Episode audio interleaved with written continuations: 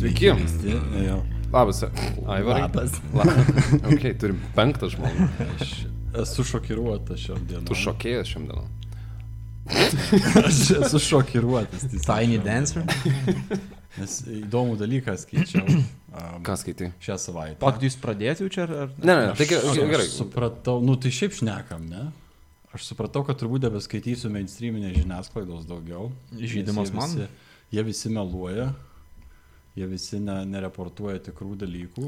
Ir aš nuo šiol sugalvojau, kad aš skaitysiu tik tai a, priemonės, kurios turi žodį laisvas savo pavadinime. Laisvas laikraštis, pavyzdžiui, vien... nereklamuok, nereklamuok, čia tik išrinktiesiams. Ir kurių logotipas yra tartum raudonas iš slaptųjų failų išimtas e, štampas. Nes Būtent Spotify. Bet, bet, uh, kodėl? Nes, vat po galais, man dabar atrodo, kad uh, mūsų medija nelabai uh, kalba apie tai, apie žmonius, žmonės, kurie masiškai žudo lietuvius. Realiai, ne? Apie cholesterolį. Aš kalbu apie Aurelijų Verygą, kuriam buvo priskirta 700 žmogžudyščių, um, nes ne per seniausiai viename leidinyje. Uh. Žinau, apie ką kalbi. Aš, da, nu, tai gal galėtum daugiau papasakot, kodėl nužudė jisai pala, žmonės, jis- kaip jis juos nužudė. Bai, baisiai užsiemęs žmogus. Labai. 700. 700 e, žmonių per e, porą mėnesių pagerintų 41 metų rekordus Lietuvoje sumuštus, jeigu uh, jau... Vieno žmogaus? Uh, vienos dienos, nu, nežinau, uh, iš tikrųjų. Vienos bet dienos.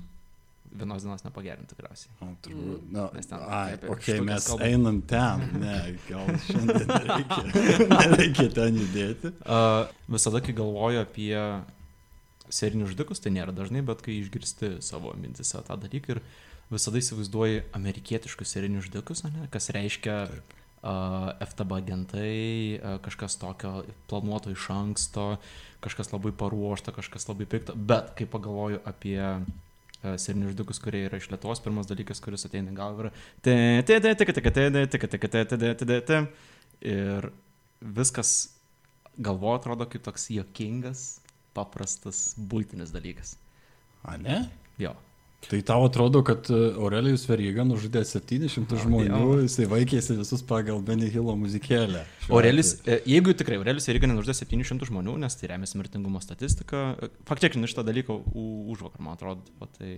Uh, Ne, aš tiesiog prie kurio aš lenkiu, nes čia turi būti nuostabus perėjimas į mūsų temą. Aurelijus Veryga pasirodo kaip bene aršiausias nepriklausomybės laikų Lietuvos serijinis žudikas šioje vietoje. O gal net masinis žmogžudys. Tai, tai jo, tai um, taip. Tu turi tašką. Tai aš, aš rašysiu rezultatą. Ok, tai tai uh, jo. netidėliodami galim pradėti apie uh, Aivaro ir uh, mano polo. tik noriu priminti, kad mes neprisistatėme. Taip, tai mes- žiūri į Vilių, žiūri į Vilių, žiūri į Aivarą. Ir čia mūsų visų yra turbūt, tai taip, Taip. yra nepakartojama iš, iš koto verčiančiai patrauklus Vilius prieš mus sėdinčias. Iš O, koto verčia. Tiesiog jaudini mane. Aksomo balsu tiesiog mus žavintis Paulius, kuris šiandien šnekės daugiau. Ir žinoma, mūsų, a, kadangi, na, jau ketvirta dešimtis prasidėjo ir visa kita, mūsų a, krentančius testosterono lygius grupiškai išlyginantis ir iškeliantis a, šalia dzukavimo, daugkartinis dzukavimo čempionas Tomas. Sveiki. Kaip kukliai. Tai uh, Ir aš, jūsų nulankus tarnas Aivaras. Tai jo, šiandien tokia, įeinam į tokią gan linksmą temą, a, pasikalbėti šiek tiek apie, apie galvažudžius mūsų Lietuvos. Pats reiškinys, jis paskutiniais metais labai išpopuliarėjo, sakyčiau.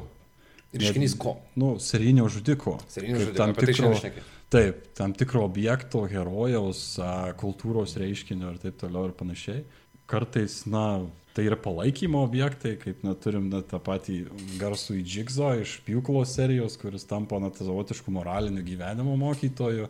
Turim, turim na, neseniai žiūrėjau Netflix'e tokį romantinį serialą pavadinimu Jų, tu, kuris taip pat yra apie serijinį žudiką Stokerį ir viskas yra iš jo perspektyvos ir jisai yra parodomas kaip, na, toks tai a, pamėgtinas personažas netgi, kas, na, padaro patį serialą tokiu gana linksmu žiūrėti, tačiau kai pagalvoju iš platesnės perspektyvos kyla klausimų apie a, apie jo, na, tam tikras moralinės implikacijas. Čia tikriausiai būtų uh, kažkas panašaus į Dexterį, ne? kur uh, žudo, Taip, bet žudo gerai. Tai, va, Dexteris taip pat yra jo, puikus pavyzdys ir na galiausiai, aišku, mes turime klasiką tapusius Michaelą Myersą, Jasoną Voorheesą, nes na, kurie taip pat yra tapę herojais, na, nes, nes koksgi yra juokingesnis dalykas nei didelis vyras paimantis kažką mėgantį mėgmaišį ir tiesiog atidubasinantis į medį iki kraujų ir mirties. A, ir čia jo yra įdomu, nes, na, iš vienos pusės žmonėms patinka tamsesnė žmogiškumo užkabūriai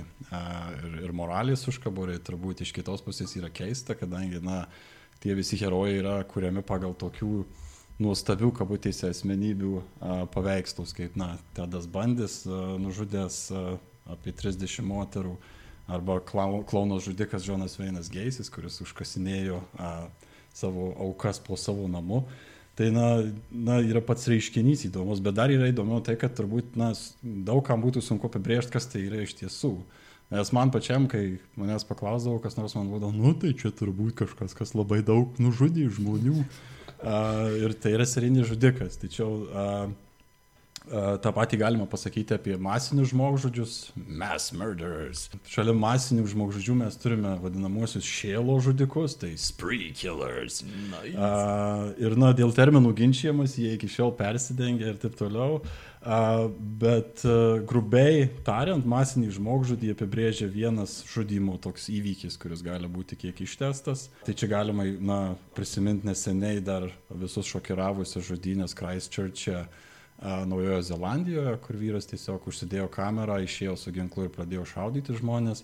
Taip pat kiek anksčiau Norvegijoje, kuomet Andersas Breivikas irgi nužudė didelį skaičių žmonių vienoje iš Norvegijos salų. Šėlsmo žudikas taip pat gali būti laikomas, na, galbūt panašiu, tačiau jį dažnai apibrėžia tai, jog yra, na, tas didelis skaičius žmonių nužudytų yra dažniausiai, na, pasiekiamas ne vieno o kelių incidentų metu. Tai neblogo pavyzdžių čia e, galėtų būti šiaip serijinių žudikų laikomas Sakramento vampyras Richardas Chase'as, kuris per nepilną mėnesį chaotiškai nužudė šešias aukas, jas kanibalizavo ir dar jų kraujo pagėrė. Tačiau, na, jisai turėjo tam tikrų mentalinių problemų, kurios jį paskatino tai daryti. Tai va, tai kuo tas serijinis žudikas yra kitoks? Verta prisiminti, kad ir terminas nėra labai senas, tokios šiek tiek galbūt istorijos, tai dar 30, 1930 metais toks vokiečių kriminologas Ernstas Genatas pavartojo šitą terminą a, Vokietijoje, rašydamas apie tuo metu Syrian murder a, Peterį Kurteną. Peteris Kurtenas buvo žinomas kaip Düsseldorfo vampyras, a, nužudęs a, na, daugiau nei devynės aukas ir ypatingai žiauriai jas nužudęs, tai dažnai buvo jaunos mergaitės ir na, tai šokiravo visą visuomenę. Taip šokiravo ir taip paliko žymę, kad 31 metais, vos praėjus metams po visko, vo, garsus vokiečių režisierius Fritzas Langas padarė, na, tokį vieną garsiausių turbūt trilerių, psichologinių ar siaubo trilerių pavadinimu M, kuris, na, iš dalies remiasi minėto žudiko istorijoje. Ir, na, tai buvo pirmas kartas, kai serijinis žudikas pasirodo netgi, na, tokioj pop kultūros formui didžiajame ekrane. O nebuvo tokio uh, Karlo Grossmano, man atrodo, lygiai taip pat iš Veimaro Respublikos, bet jis buvo, na, man atrodo, rytų Berlyno uh, žudikas.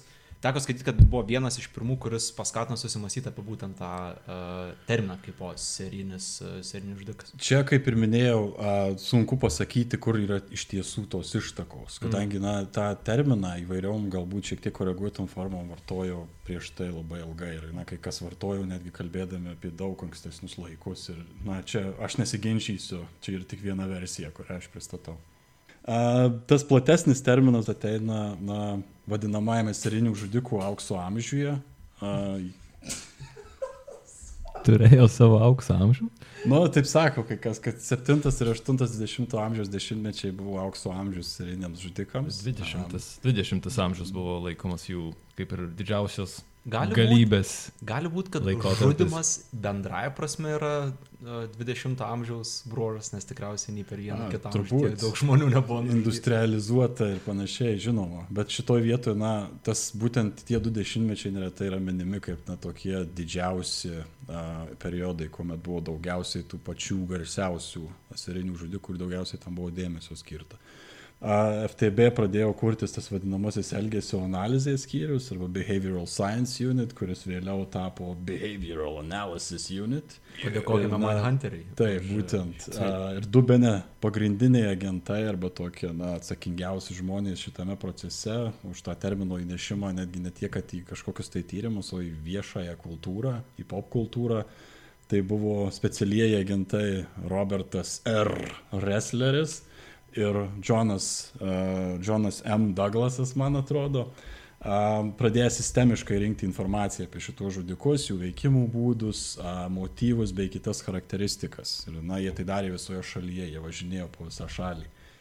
E, Tikriausiai minės arba minėjai šitą dalyką, bet jeigu praleidau, tai viena, man atrodo, svarbiausių žinučių iš Mindhunter yra gal ne tiek, kaip jie rado serijinius žudikus, kaip išrado metodiką, kaip juos atpažinti, bet yra viena sena, kurie kalbos teisėjai ir bando jai paaiškinti, kodėl jie tai daro ir tai yra kaip ir Fincherio tikriausiai žinutė žiūrovui, kai uh, bandoma paaiškinti, kad mes tai darom, uh, kalbam apie tai dėl to, kad nepaisant to, kad jums tai nepatinka, tai vyksta. Ir jeigu jūs to nežinot, rizikuojam pamiršti, kad tai iš viso vyksta.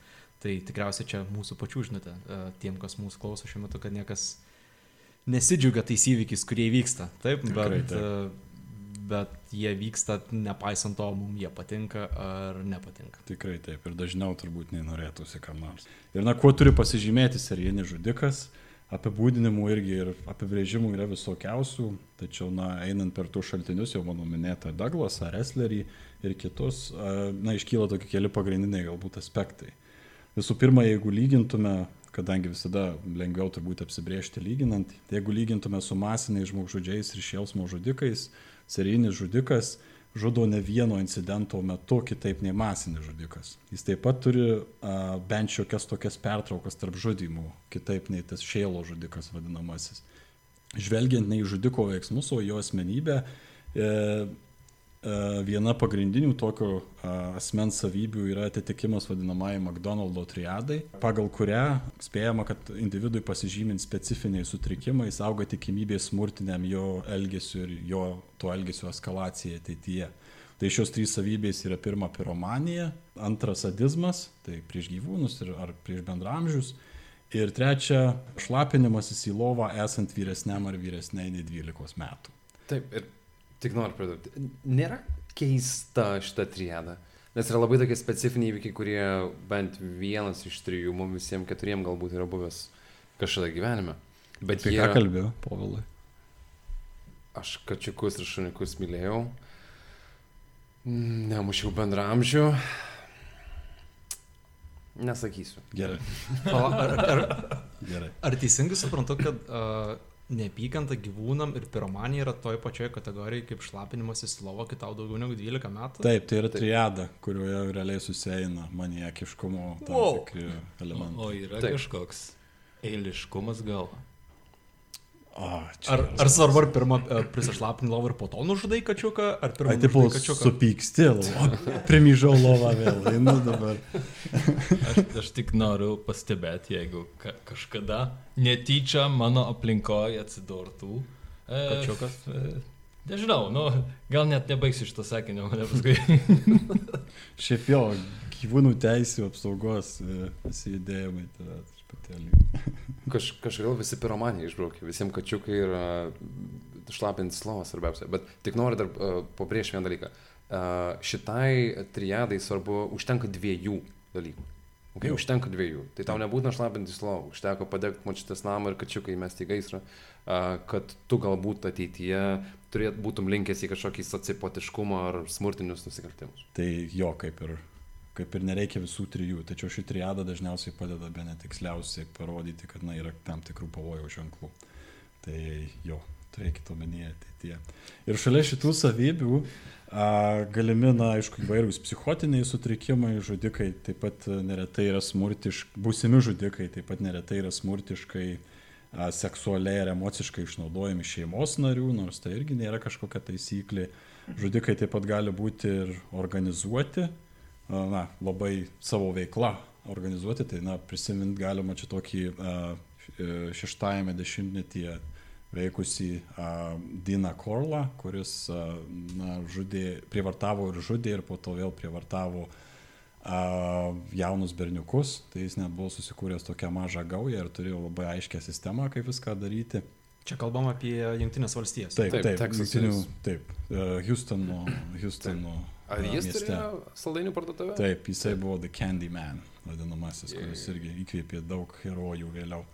Uh, ir na, jie gali būti ir neorganizuoti, kaip pavyzdžiui mano minėtas Richardas Chase'as, kuris tiesiog... Uh, Nemaišyti su išėjo iš- Čevičiais. Ne. Ir Richardu Gyru. Taip, nors jo, Chevy Chase'as, kiek girdėjau, irgi yra pakankamai crazy dude. Um, tai aišku, šalia to ir apie pramogas arba tobulo nusikaltimo galimybę uh, yra kalbama, tai čia Robertas Hansenas, uh, kuris Aleskoje sugaudavo prostitutės ir jas tiesiog nuskraidindavo į tol, toli esančias girias, paleisdavo jas bėgti ir po to jas medžiodavo. Nuskraidindavo. Taip, nuskraidindavo, jis buvo pilotas. Ar žmogai per visą kelią iki skrydžio vietos nekildavo klau- klausimų? Mes kalbam, na, jos jau skrisdavo tenais tikrai ne savo valia. Ai, okay. Tai taip, na, kas nori uh, pasidomėti labiau, tai yra tobulai arba puikiai blogas uh, filmas su Nikolu Keidžu, vadinamu Frozen Ground, kuris yra paremtas šitą istoriją. Ten Jonas Cusakas berots vaidina Robertą Hanseną. Na ir galiausiai, kur e, yra toks aspektas, kur būt, kuris turbūt kažkuria prasme vienyje, man atrodo, netgi visus tos serijinius žudikus, tai yra, a, kas yra akcentuojama kaip kontrolės ar galios siekis. Tai a, čia turbūt, jeigu reikėtų ieškoti kažkokio prototipo, tai garsusis Tedas Bandis neretai priskiriamas prie būtent tokių žudikų, kuris, na, neturėjo galbūt kažkokių tai vizionierinių a, dalykų galvoje, tačiau tiesiog mėgo, mėgavosi pačios kontrolės ir gyvybės, a, gyvybės ateimimo a, pačiu, pačiu aktu. Ir, na, nu, aišku, visada verta atsiminti, kad neretai seriniai žudikai laipsniškai eskaluoja savo žiaurumą. Ir šitą galima pastebėti, na, taip pat amerikiečių žudiko Edmundo Kemperio atveju, kuris, na, pradėjo tiesiog nuo prievartavimo ir žudimo, vėliau persikėlė į kūno pjaustymą, o viskas pasibaigė jo paties motinos galvos nupjovimu ir jos liežuvio nesėkmingų malimu namuose esančių a, aparatu atsikratyti šiukšlėmis. Mindhunteris tikriausiai uh, irgi padėtų žmonėms norintiem daugiau sužinoti apie Taip, šitą. taip, ten yra labai, na, tokia scena, kuri iš tiesų ir nutiko, kai Kemperis pasako, kad aš tiesiog norėjau, kad jinai užsičiauptų, nes mane erzino. Ko neparodys Mindhunteris apie Ed Kemperį, kuris yra... Tai yra ta trumpa istorija, kaip jisai atsikratė savo mamos. Tai kai jisai nupjovė jos galvą ir užkasė ją kieme ir jis ją, jos galvą po žemę atsuko į jos langus, į jos mėgamojo langus. Ir kai jo paklausė uh, tyrėjai, sako, kodėl tu taip padarėjai? Tai uh, jis atsakė, aš angliškai pasakysiu, nes lietuviškai nežinau, ar taip gerai skambės. Uh, sakė, kad uh, my mother always wanted for people to look up to her. Tai uh, they did. Iš, iš to, ką girdžiu, apibūdinau bent jau psichologinio kažkokio modelio, kaip turėtų atrodyti serinis žudikas, manau visi galim taip kolektyviai start, kad uh, pakankamai šūdo gabalų turi būti, kad uh, nueitum į šitą uh, pasaulio, nežinau, dalį. Bet Viliaus net balsas truputį po... taip Nebūk toks judgmental vėliau. Vėliau mes dar tik pradedam. Taip, mes visi turim pomėgių. Man įdomu tai, kad gyvenam dabar ypatingai laikotarpiu, kaip Pauras minėjo, kad labai daug yra true crime, a, tiek dokumentikų, podcastų, ko tik tai nori. Ir man atrodo, yra kažkur labai slidi riba tarp to, kai tu tą matai kaip kažkokią um, istoriją, kuri perspėja tave apie tai, kas gali nutikti. Bet manau, dažnai nutinka, kad tai tampa tokiu tiesiog uh, nusikaltimo pornografija. Ar manai, kad sumaišoma žinutė truputį? Gali būti, nežinau, pats pakankamai žiūriu, ne tai, kad skeptiškai, ta prasme, visus tos pačius podcastus klausau ar žiūriu tos, tą patį Mindhunterį, bet kartais galvoju, iš kur kyla šitas e, noras ar, nežinau, fascinacija šitą tuo, tuo reiškiniu, kai tam tikrą prasme, žinant, kokio tipo žmonės tampa seriniais žudikais, tu leidi jiem įsišventinti, ne? Kiek dažnai žinai jų aukų pavardės ir kiek dažnai žinai pačio žudiko pavardę. Tai ta riba tarp e, to, kas yra, nežinau, um, domėjimasis praeitimi ir, ir to, kas yra tiesiog mėgaujamasis tuo, uh, mėgaujamasis tuo, kas, kas buvo, yra neaiškiai pakankamai. Tai žinoma, žinoma. Šitoje vietoje man, mane visada domino tas būtent išėjimas iš kažkokios tai moralės ar blogio gėrio perskyros e, ribų. Bet jo, visada yra šitas, nes ir aš kartais apie save pagalvoju, tai ko, kam, kodėl man taip įdomu, čia, nu, realiai, kaip ir pop kultūros dalimi tapę yra tie žmonės ir visa kita. Na, bet mes turbūt visi sutinkam čia sėdėdami ir kalbėdami, kad mes visi žmonės, apie kuriuos užsiminsim arba kalbėsim šiandien, mes juos visus laikome didžiuliais šūdo gabalais, kurie realiai neturėtų vaikš, neturėtų jau vaikščioti netgi šios žemės paviršiuje. Aš pirmą pasiklausysiu, kad turit papasakoti, tada nuspręsiu. Gerai, gerai. kai kurie ir nebevaikšto. Žinau, žinau. Bet, Um, ir na čia apskritai um, galima tai, kad cariniai žudikai kaip tokie nepradėjo egzistuoti tik atsiradus tam terminui, kaip ir daug kas, uh, daug kas šiame pasaulyje neatsiranda tik tai dėl to, kad mes pavadinam kažkaip. Kai kas serijinius žudikus mato, na, ir tokios asmenybėse kaip Vladas Drakula, uh, na, jau čia tapęs Drakulos, grafo Drakulos uh, vampyro prototipu, taip pat Elžbieta Batoriai, kuri, na, yra kalbama legendose, kad atsiveždavo pas save į pilį jaunas mergaitės, iš kurių nuleisdavo kraują ir maudydavosi jame, kadangi, na, jinai galvojo, kad jinai išliks taip ilgiau nau- jauna. Ir, na, vienas garsiausių, aišku, yra prancūzų aristokratas ir Žanos dar kompanionas Žys Dereisas, kuris, na, kaip e, vėliau paaiškėjo, pakankamai turėjo nepasotinamą apetitą jauniems berniukams, kuriuos irgi prievartaudavo ir žudydavo. Įdomybė apie, e, apie šitą poną. Pasirodo, kiekvienas, e, kiekvienas asmuo pavaizduotas ant žaidimo kortų, kurio mes įprastai žaidžiam, pavyzdžiui, pokerį, tai yra kažkuri istorinė asmenybė. Ir vienas iš jų yra būtent šitas e, Gilles de Rey. Oh, très bien. Très bien. Nu ir jo, jeigu tęsiant toliau, tai mums aišku aktualiausias yra regionas kažkur Europos rytuose. Turbūt tai, na, akivaizdžiausias yra 70, 1978-1990 metais tuo metinės Sovietų sąjungos teritorijoje siautėjęs mokytojų dirbęs Rostovo skirdikas Andrėjus Čikatilo. A, Jisai yra laikomas atsakingu bent už 56 žmogžudystės, daugiausiai motivuotas seksualiniu potraukiu, kuomet žudikas, na, negalėjo peržengti savo impotencijos jokių kitų būdų, kaip prievartaudamas ir brutaliai niekindamas jaunas moteris ir vaikus.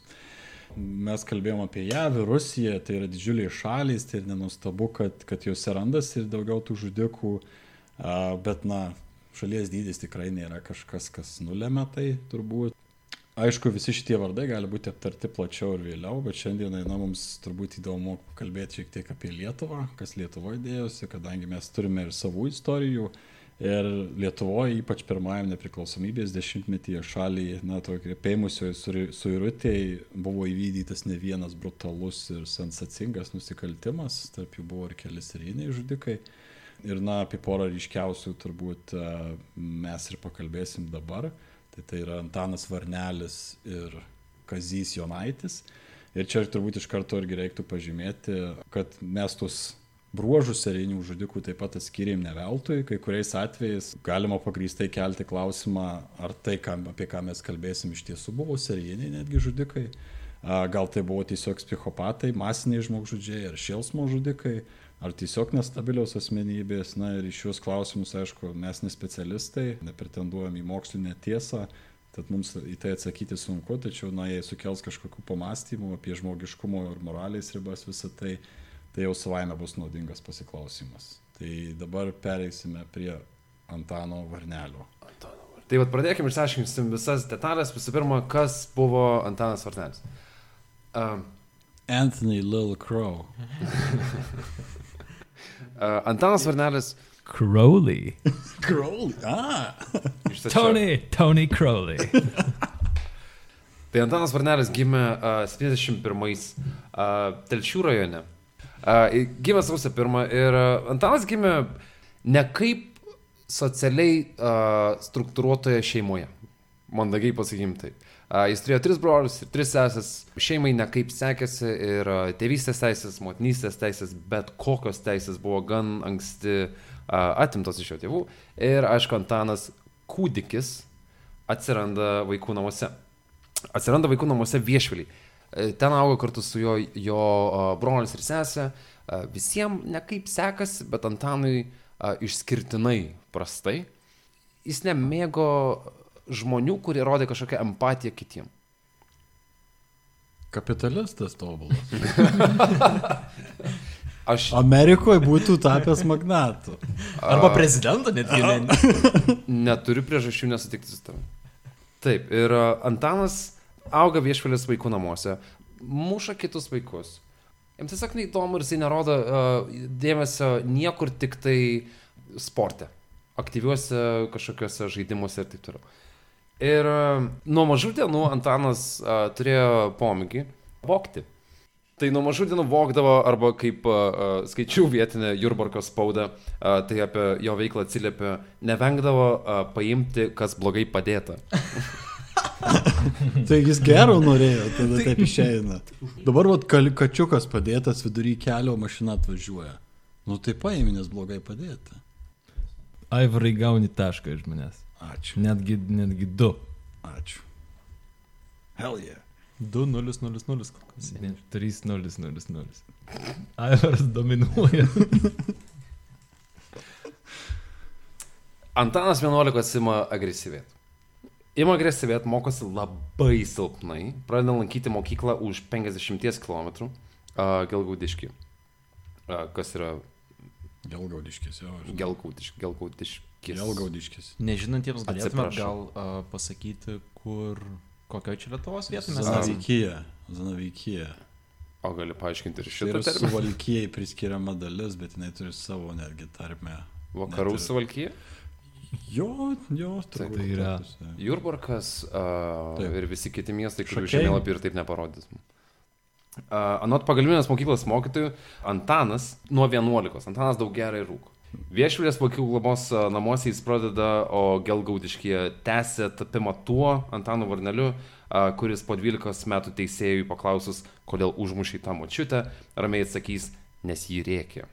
Tai vad Antanas tuo metu, anot jo mokytojų, vertino fiziškai stiprius žmonės, prie fiziškai stiprių žmonių nelyzdavo ir būdavo tokia, ką galima pavadinti, selektyvi drąsa. Bet čia toks e, vos ne klasikinis to bully engėjo, mhm. vos ne archetipas gaunasi, ar ne? Nes, na, jisai tiesiog renkasi silpnesnius. kaip- Taip. 87-ais, a, būdamas 16, Antanas pavogė, ir aš pacituosiu, pinigų, 12 butelio alaus ir vištą. Ir už šitą nuotykį jis gauna beveik pustrečių metų liktinai. Už vištą? Ir už pinigus, ir už 12 butelio alaus. Jis gauna pustrečių metų, beveik pustrečių metų liktinai. Už kelių mėnesių Antano pasivėjo a, reali laisvės atimimo a, bausmė. Kaip tai buvo įvardinta šaltiniuose, tai buvo, para- a, buvo prašyta, Antanas įvykdė piniginės vagystę iš praeivio ir vykdė piktybinį huliganizmą. Antanas gavo keturis metus praviniškėse už šitą dalyką. Nu tai čia gali jau būti tas lūžio taškas, kuris jau... Ironiška truputį yra tai, kad Antanas iš praviniškai paleidžiamas anksčiau laiko. Už kažkokiu būdu parodytą geresnį elgesį. Ir jis yra paleidžiamas e, 92 metų sausio 14. Su laiku Antanas grįžo į Gelgaudiškį ir prisiglaudė su savo broliu Pranu, kuris gyveno pas e, šeimininkus. Pasak šaltinių, Antanas buvo toks galvos skausmas vietiniam ir tiem šeimininkam, kad jis uh, gėrė kiek pajėgė, nedirbo. 92 metai. Tai Antanas 71 gimė, tai jam 21. Taip. Skamba kaip bet kuris saulėtekio gyventojas. Uh, gėrė kiek pajėgė. Tai jį reikėjo išimti iš kaimo ir tiesiog į saulėtekį nuvežti. Tenai būtų normalus. Programuotų šiuo metu. Arba startupą kurtų. Uh, tai uh, jis nieko nedirbo, trešė savo broliui, uh, visus tiek užkniso, kad uh, ir Antaną, ir jo brolį uh, tiesiog išvarė iš, uh, iš tos sodybos, kurie buvo apsistoję. Tai nei darbo, nei pinigų, tiesiog labai labai daug pykčio. Antanas, būdamas tatuiruotas, daug gerintis, nenaudingas visuomeniai ir nenaudingas nei savo broliui, nei niekam, uh, yra išmetamas iš sodybos, uh, kur gyvena su broliu ir visas piktas pradeda turbūt tai galima pasakyti kaip tą tokie jau esminį lūžį, kuris pradeda savo karjerą. Ir a, čia a, Antanas, tai visas šitas a, epizodas su susipykimu ir išmetimu iš a, sodybos įvyksta sausį, vasarį, žiemą 92 metų. Ir va čia prasideda Antano ta žudikiška ir nusikaltiška karjera. Tų pačių metų birželio mėnesį jis peiliu uh, pagrasina 13 metai, kurią nužiūri grįžtančią iš mokyklos, uh, iš uh, parduotuvės. Ir pagrasina jai peiliu, ją užspaudžia ir bando privartauti. Mergaitai pasiseka, nes jie, ji apgauna Antaną, kad kažkas ateina, jis nusisuka ir jis spėja pabėgti. Jis irgi pasišalina, jokio kažkokio nusikaltimo užfiksuota per daug nėra, bet Antanas tikrai nenurimsta. Labai priešingai. Kadangi su broliu buvo išmesti iš kaimo, Antanas patraukė kažkur kitur. Liepos mėnesį apiplėšė vieną namą ir namą apiplėšė su broliu. Ir toliau tęsiant dužbeviško brolio istoriją, jo broliai praną pagauna.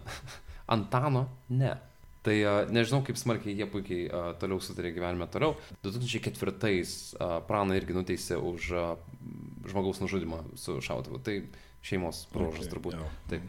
Antanas patraukė kitur. Liepos mėnesį uh, plėšimas, Antanas pabėga, pastovios gyvenamosios vietos kaip ir, ne, kaip ir nėra, pastovios gyvenamosios vietos kaip ir nebebus iki Lukiškių iš dalies galima sakyti, kad jis toks amžinas našlaitis visom prasmėm ir liks. Nuo to pabėgimo iš kaimo praeina vos daugiau nei savaitę ir Šakių rajone, Bernotose, iškviečiama gaisrinė. Ir dega 70-mečio senelio namas, namas sudega, senelio lavonas lieka viduje ir lieka su akivaizdžiom smurtiniam uh, žymėm mirties. Klausimas. Taip. O ar yra kažkokia koreliacija tarp polinkio į um, serijinį žudimą ir e, IQ intelekto koeficiento ar mm, emocinio intelekto. Kiek, kiek tyrimai rodo, tai nelabai, ne nes iš tiesų, na pavyzdžiui, Kelius Ridžvėjus, man atrodo, Green River Killer, kuris apie 70 žmonių nužudys, tai turėjo nu, borderline um, intelekto, na, tam tikrą nepakankamumą. Jau buvo labai žemas intelekto koficijantas.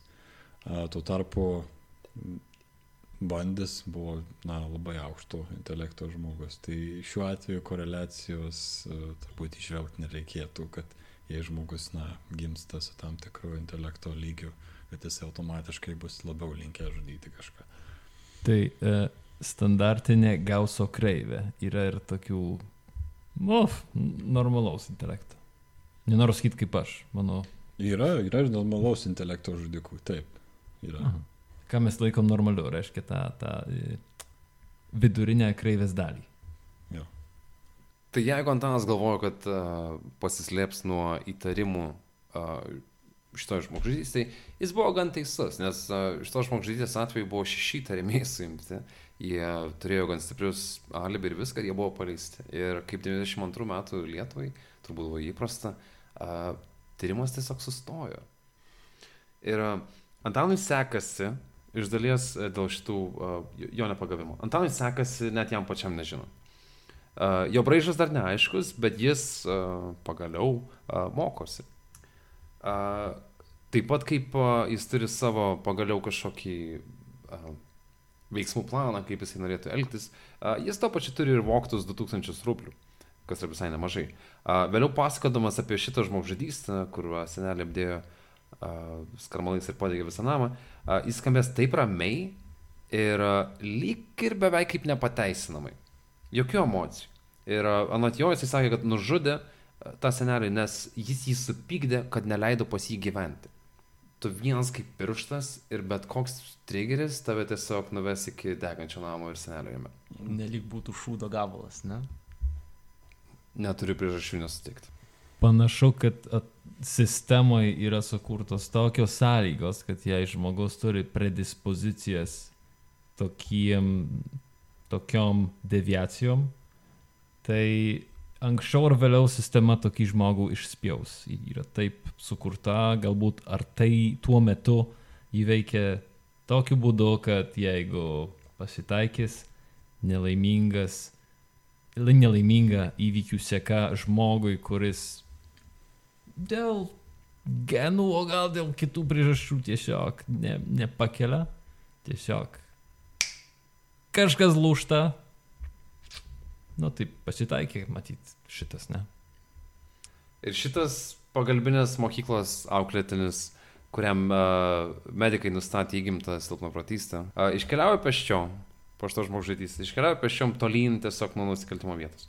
Ateinančias tris savaitės jisai keliauja po apylinkės, miega tvartas ant šieno, kur niekas jo net neieškotų ir tiesiog miega ir stebia aplinką, kur galėtų toliau prasimonyti maisto, pinigų arba tiesiog išlieti savo pyktį.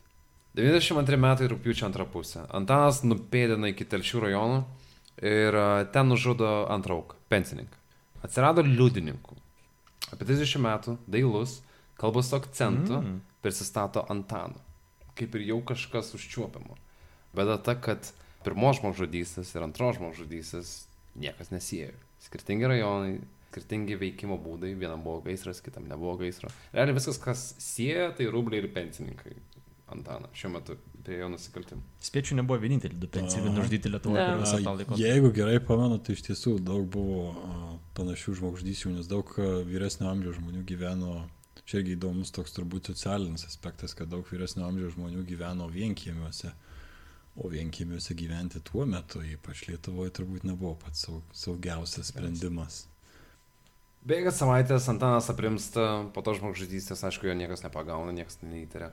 Antanas nusibaso iki rajo- rajono, a, dirbo pas ūkininkus, dirbo gerai, vaikšto į šokius. Mm. O, Gyvenimas, ladies man. gyvenimas truputį aprimsta. Tai kaip ir tu sakei, uh, Aivarai, kad uh, prieš tai, kad serijinių žudikų gyvenime būna tų cool down periodų. Bet spalio pabaigoje, praeina šešios savaitės po paskutinio žmogžudystės uh, Telšių rajone, jis pakelia ranką prieš Juozą Gudelį iš Šimkaičių. Juozas buvo pensininkas, irgi gyveno atskiriname, bet uh, Šimkaičiai nebuvo toks jau mažas miestelis. Ir va čia yra įdomiausia tai, kad nužudytojo giminės atvažiavo patikrinti, kodėl Juozas offline šitiek laiko. Atvažiuoja postinis uh, patikrinti, kur dingo Juozas. Ir nieko neranda, randa tik tai Antaną namuose. Mato pro langą, kad Antanas stovi prie uh, dujinės ir kepasi kiaušinius. Ir uh, Antanas vis dėlto uh, namuose atidaro duris, nenori įleisti žmonių į vidų. Jis pradėjo sakyti istoriją, kad uh, Juozo, Juozo nėra. Juozas išvažiavo į miestą ir jis prisistatė 92 metam turbūt normalių terminų, uh, aš Antoška. Antanas pasakė, kad aš šiaip gyvenu šitam kaime. Uh, Juozas išvažiavo ligoninę ir Antanas sako, aš gyvenu pas šitus ir šitus kaimynus. Ir giminaičiai žinojo tos žmonės, jie nuvažiavo pas juos, paklausė, ar jūs žinote šitą Antošką. Tie kaimynai sako, jo, jis pas mus jau, jis benamis ir pas mus gyvena jau mėnesį, dirba darbus, dirba normaliai, viskas kaip ir tvarkoja. Ir jie grįžo atgal į tą namą, kur jų tas giminaitis buvo. Antoškos, aišku, nebebuvo. Nuo tvarto numušė spyną, rado Juozą kraujo klane begulinti, bet dar gyvą, dar pasakė kelius žodžius, bet uh, ir užgesė tenai. Kai išsikvietė uh, policiją, policija pradėjo važiuoti, bet policijos tyrėjas, jį buvo labai su- sunku prisikalbinti atvažiuoti, nes jis pasakė labai tokią 92 metų uh, priežastį, dėl ko jisai negali atvažiuoti. Jisai pasakė, kad uh, jis jau išnaudojo savo mėnesio kūro limitą ir nebent jį kas nors, ats- kas nors atsiveš. Tai jis tada ir atvyks į įvykio vietą tirti šitą žmogžudystę. Tai policijos tyrėjas žmogžudystai dar šviežiai tirti buvo atvežtas po penkių valandų. Antanas galėjo būti pagautas tuo metu. O tą dieną jis galėjo būti tikrai pagautas. Bet jis nebuvo pagautas, nes tiesiog buvo, turbūt dėl to, kad buvo 22. Kaip vėliau pats Antanas sakė, jisai pastraukė iki miško ir gan ilgai, sakė, stebėjo nuo pamiškės, kas vyksta kieme, kuris labai neseniai įvykdė žmogžudystę ir tiesiog šeimininkavo savo aukos namuose.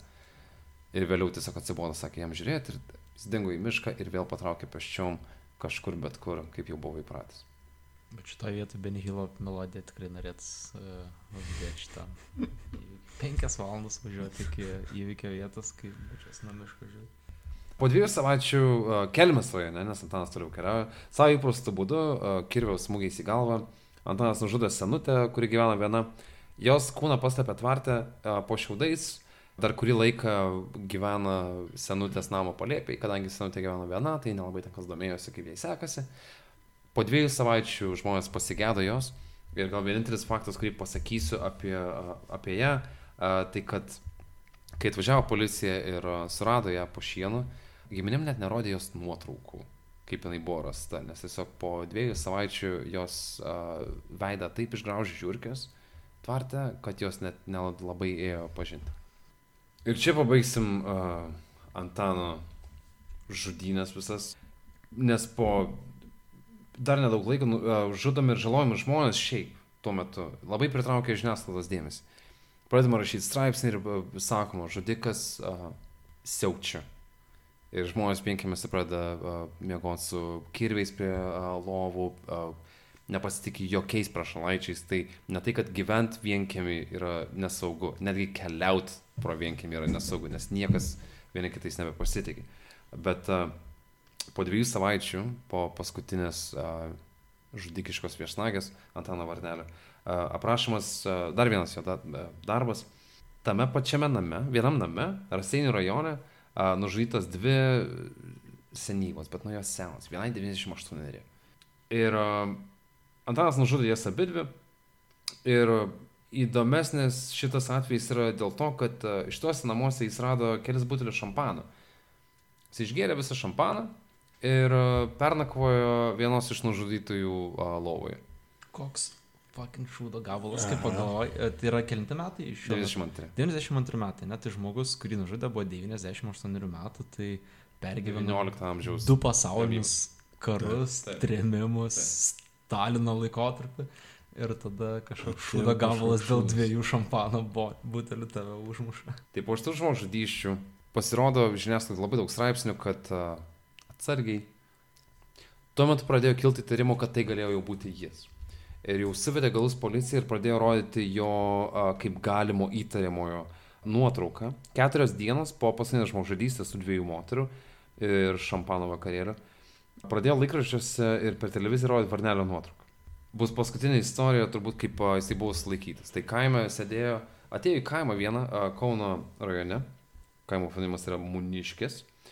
Ir tradiciškai be jokių užvalankų paklausė, kur galima išgerti. Kadangi Antanas turėjo pinigų, tai jam pasakė, kad uh, galima išgerti šitam ir šitam name. Jis nuėjo į tą namą, sėdo su vienu vyresniu vyru gerti, aišku, prisijungė kaime, kaip yra normalu, daugiau vyrų gerti. Ir uh, kažkurio metu vyrai pastebėjo Antano tatuiruotis. Ir susigrizbo, kad čia turbūt jisai. Bėda, kad tiek buvo e, žiniasklaida išviešinus Antano nuotraukas ir aprašymus ir viską, kad, e, kaip policija sakė, jie laukdavo skambučių beveik kas valandą, kad mes turim Antaną Varnelį. Chances are, kai nuvažiuoja, kad ten ne joks Antanas Varnelis, tiesiog bičias su tatuiruotė, biškai jau neutrodantis. Tai kai tu turi tikrai Antaną Varnelį, tai kaip ir policija nebet važiuoja. Kas yra keista. Tai laikė gal 4 ar 5 valandas, policija atvažiavo. Kai policija jį sulaikė, uh, Antanui tuo metu buvo 20, uh, 21 metai, pagalvokite apie save 21. Šešios aukos, trys sužaloti žmonės, vienas prievartavimas, labai daug vagysčių ir visas šitas spree, šita šelionė per uh, mažiau nei metus. Antanas nelabai uh, suvokė turbūt, kas jo laukia. Jis suvokė, ką jisai padarė ir jisai prisipažino dėl to, ką jisai padarė. Uh, labai šaltai ir labai ramiai atsakinėjo ir uh, 92 metais jau buvo uh, filmuotos medžiagos ir visko, kaip reikia su tokiu uh, žmogaus iškamša rodyti, ką tu darai ir visą kitą. Antanas kooperavo su uh, tyrėjais labai puikiai. O jis bandė neikti kaip nors, ar gintis, ar pats sakyti, kad da, aš esu nepakaltinamas, ar tai buvo, na, iš išorės kažkokia primesta. Gintis jis nelabai bandė apskritai. Gint jį bandė jo advokatas, bet jo advokatas žaidė per tą nepakaltam, nepakaltinamumo prizmę, kas visiškai nepaėjo. Tai po Antanas laikom 22 metų gruodį. A, jokių a, išlygų nebuvo ir žmonės visuomenė tiesiog norėjo, kadangi mirties bausmė vis dar buvo a, Taikyta ir Taikytina. taikoma.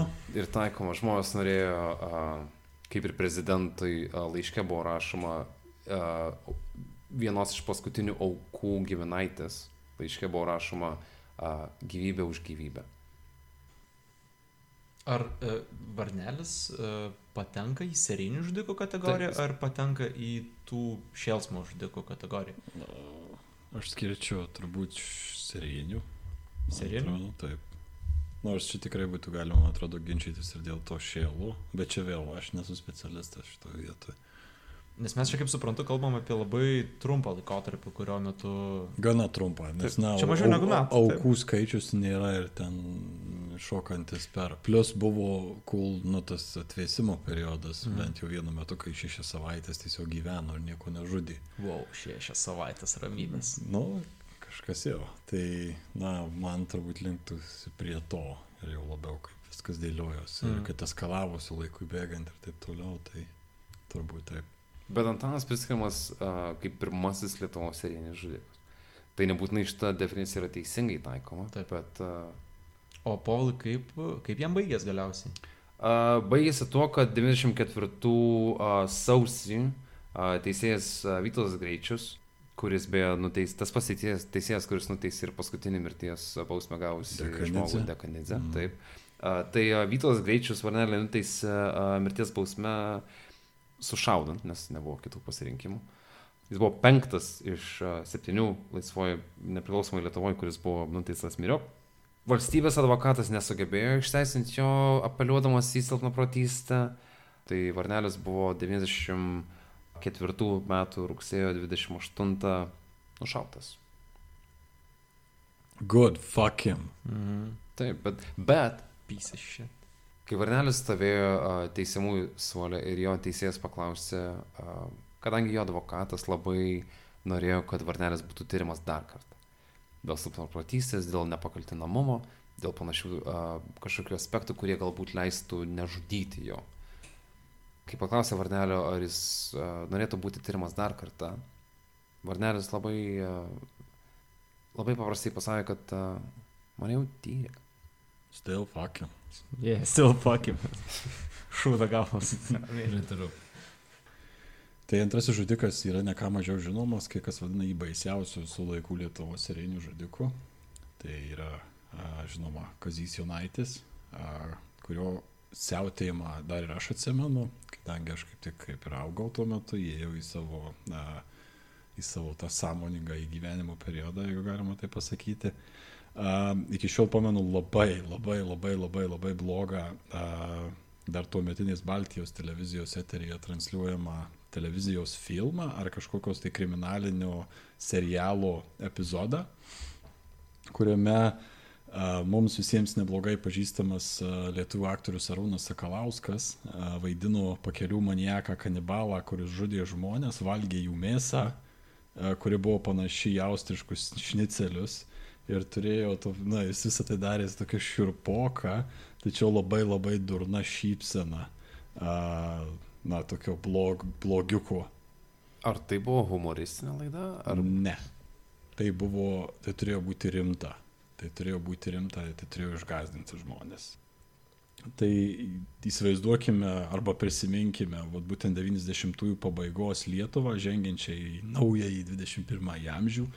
Visa, visame šitame kontekste galime įsivaizduoti šalį, kuri nors jau ir žengianti į Europą, a, tebėra šiek tiek, na, kabutėse galbūt laukiniai. Nusikaltimų ir korupcijos problemos tebėra opios, a, infrastruktūra pati, nėra tikrai pati nuostabiausia. Tuo metu nėra per daug, jau prasideda ta era, bet nėra per daug ir mobiliųjų telefonų su visur veikiančiu internetu, juo labiau Bolto ar Instagramo istorijomis, kur galima nuolatos dalytis ir, ir dalinti savo buvimo vietą. Kartais pritrūksta to paties transporto jaunoms merginoms ir apskritai studentams, pavyzdžiui, neretai tenka keliauti autostopu. Anksčiau, na, tai buvo tiesiog būtinybė kai kuriems žmonėms. Ir tokia kasdienybė, kas be ko galima teikti, galėjo puikiai naudotis visokiausi nusikaltėliai, maniakai tomis dienomis. Ir tas taip pat buvo ne, didelė a, bėda, kadangi tos, tie patys nusikaltimai susijęs su autostopu keliaujančiais taip pat buvo gana ryškiai publikuojami. A, ir na, šitame visame kontekste ateina didžiausių a, šio amžiaus moterų košmaru Lietuvoje vadintas serijinis žudikas Kazys Jonaitis pramintas pakelių manieku, kuris žiauriai išprievartavo ir nužudė bent tris jaunas merginas. Kazio Jonaičio vardas iki šiol, na, kaip šmėžuoja baisiausių Lietuvos nusikaltėlių sąrašuose ir, na, kaip jau minėjau, kai kur yra laikomas brutaliausių serijinių žudikų modernios Lietuvos istorijoje. jis pats savęs, irgi kadangi jis yra vis dar gyvas, jis pats savęs neleidžia taip pat pamiršti keldamas bangas nuolatos kalėjime ir, ir darydamas visokiausius dalykus. Tai turbūt pakalbėsim šiek tiek apie jį. Ir, na, pagrindiniai šaltiniai tai čia aišku būtų, a, būtų žiniasklaida, sena gera akistata, kur gebėdavo pasinaudoti šitais visais įvykiais ir, ir, ir nusikaltimais, juos, juos kažkaip sensacionalizuodama. Taip pat a, niekada nemaniau, kad naudosiu Gidijaus Knispelio knygą kaip šaltinį, tačiau panaudojau. Tai, tai, taigi, ir, na, šalia to yra dar tokia prokuroro dirbusio irgi prie tos bylos berots Pavelo Barkovskio knyga Lizdų ardytojas, kuri, na, yra kaip ir true crime, ne true crime, bet fiction, crime fiction, parašyta istorija apie serinį žudiką, kuri, na, yra visiška fikcija, tačiau remiasi būtent Kazio Jonaičio istorija. Tai aš šiuo atveju tos knygos netraukiau, kadangi tenais, na, dalykai irgi yra iš dalies mitologizuoti ir labai sunku yra atrinkti, kas ten ir kur. Tai pradedant nuo pat pradžių, Kazys Jonaitis gimė ket- 1943 metais Algupių kaime Kauno rajone. Augo jisai septynių vaikų šeimoje, joje buvo vyriausias sūnus. Netipiška, tačiau Kazys nors ir vyriausias sūnus, kaip teigia jo motina, taip pat buvo nekenčiamiausias tėvų vaikas. Jam dar esant mažam tėvas jį lūpdavo, kaip pasakoja motina, balnu, kumščiais, apynasriu, a, tad namai nuolatos būdavo pilni krūvinų skudurų. Ir, ir atrodo, lyg jis turėjo, nu, kaip rankingą nemėgstamiausių Taip, vaikų, kad taip. buvo ir mažiau ir labiau nemėgstami. Taip, ir t- aš pasakysiu, jūs pamatysite, kodėl tai buvo, nes tai taip pat susiję kaip ir su Pranu ir Antanu Varneliais, taip yra su Kaziu ir vienu jo broliu. Nu, bet kokiu atveju, tai, kad jį lūpdavo nuolatos ir daužė, tai tai, na, galim pagrįstai teikti, kad tai galėjo pa- paveikti jaunąjį Kazimierą. Ir čia vėl reikia pažymėti, jog, na, apskritai Kazijo Naičio tėvas nemėgo visų savo sūnų. Tas matosi šeimos istorijoje, kad turbūt jie visi buvo kažkiek paveikti. Ir 2012 metais Kėdainių rajone Kazio brolis Juozas pateko į teisės saugos akiratį, kuomet pagrasino apipilti benzinu ir padegti vietos inspektoriaus vaiką. O vėliau krūmų ir medžių genėjimo peiliu, nu tai skaitykit mačetę, Mhm. grasino į gabalus sukapoti du savo kaimynus. Tai, kaip sakant, jaunaičių broliai turbūt turėjo būti labai fun uh, at parties. Tad visam šitam kontekste nenustabu, jog ir Kazys baigė tik tai aštuonias klases ir dirbo daugiausiai vairuotojų savo gyvenime. Jaunas vyras anksti pateko ir į problemą su teisės sauga, bei porą kartų buvo teistas, na, tiesa, ne, ne kažkokiam tai dideliam laisvės ateimui ar kažkam tokio, tai buvo daugiausiai smulkesni nusikaltimai. Vienu metu Kazys Jonaitis buvo įsidarbinęs vairuotojų ir gaisrinėje Grigiškėse, kur iškart bandė gretintis prie ten esančių kolegių moterų, kadangi, na, per tą jau savo augimo laikotarpį įsivystė jo gan problematiškas santykis su moterimis, jis turėjo savo įsivaizdavimą, kaip prie jų prieiti. Pala, vienas uh, labiausiai žinomų Lietuvos ir nežudikų dirbo gaisrinė. Taip. Vairuotojai. O, Tai bent šneka liudytojai. Uh, Bet, na, na, bet ne tuo metu, kai vykdė tas šaušadystės. ne. Taip, taip, tiesiog kontrastas tarp e, darbo gelbėti žmonės ir e, hobio žudyti žmonės atrodo Taip. pakankamai. Uh, jo. Ar, ar ugnegesiai nėra tarptų pačių aukščiausią visuomenės pasitikėjimą turinčių grupių? Yra. Šiandien taip. Gal ne tais metais, bet... Bet š- čia mes kalbame apie, apie uh, nu, 80-mečio pabaigą, 90-mečio pradžią. Pataisykite, 90-mečio pabaigą, 10-mečio pradžią. pataisykite, jei klystu, bet man atrodo, kad tai nelabai gal keitėsi per dešimtmečius. Pasitikėjimas Vis tiek, su nu, negesiais? Jo, nu aš suprantu, yra tas tie tokie, pavyzdžiui, e, krasuso pavyzdžiai, bet Jeigu teisingai pamenu, kai tikrinau, uh, skaitydamas apie NSO Lietuvoje ir buvo na, visuomenės nuomonės apklausos tų metų laikraščiuose, tai uh, ugnegesiai buvo, jei teisingai atsimenu, tarp tikrai top, top. Tai tarkim, tuo metu policija buvo labai žemai palyginus su dabar, bet ugnegesiai pakankamai visada, na, Taip, taip. mėgstama grupė. Ir yra vienas momentas, čia kaip ir minėjau, jisai įsi- įsidarbino vairuotoju, jis nebuvo tas vyras, kuris ėjo į, į liepsnas ir kovojo juose, jis tiesiog vairavo. Ties- Tiesiog vairavo, jo, aš... kam tu vairuotojų čia?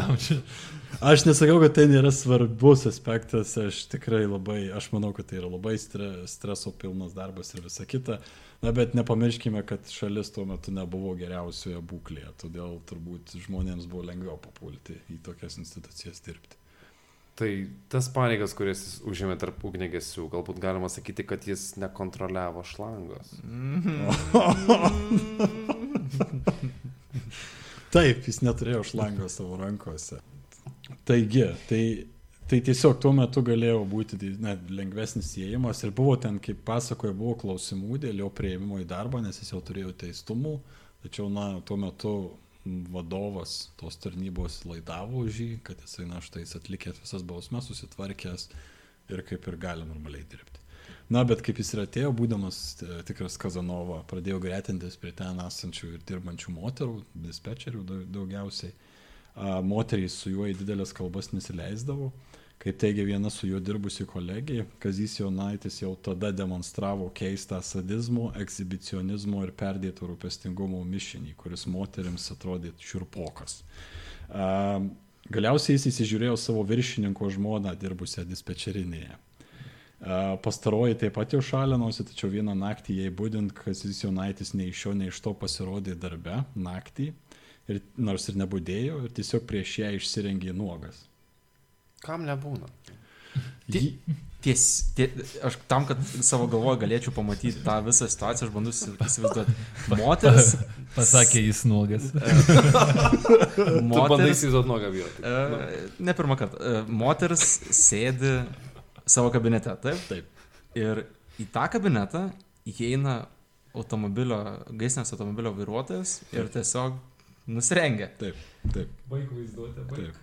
Tai iš to vieto mes kalbam apie moteris, tu gali suprasti tam tikrą aistros momentą ir norą parodyti savo vyrišką kūną ir, ir, ir, ir jų blizgančio mėnesienoje pritraukti moterų, uh, moterų akis ir, ir sielas ir širdis prie savęs. Aš bandau tiesiog įsivaizduoti uh, visą laiką, kai ta moteris mato be, jį uh, vis mažinantį rūbų kiekį ant savęs, kas turėtų dėtis jos galvoj, būtent tuo momentu. Nes tu žinai, kad, ta prasme, arba baigsis tuo, kad bandys išprievartauti, ar, ar kur visą tai pasisuks.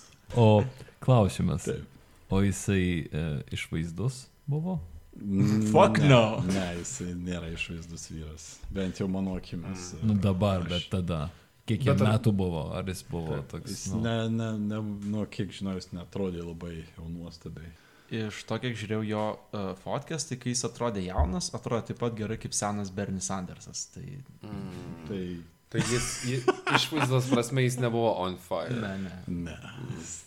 Ėjau for that rugged look. Rugged naked. Taip, taip. Look at me. Tai jis tada, kai išsirengė prieš tą e, žmoną savo viršininko, jį galiausiai išvijo tą naktį būdėjusi gaisrininkų komanda. Tačiau, kaip teigia įvykio liudininkai, jau tada pasirodė ženklai, kad Jonaičiui samyšio kėlimas bei baimės įvarymas teikia savotišką malonumą. E, Tai rodo ir pasikartojęs epizodas, e, kai vyras, na, tuo metu ne, net ne prieš moteris, o, e, o tiesiog gaisrinėje, naktį išsirengęs gulėdavo kelis kartus ant būdėjimo kambario sofos ir laukdavo, kol kas nors kambaryje uždeg šviesą.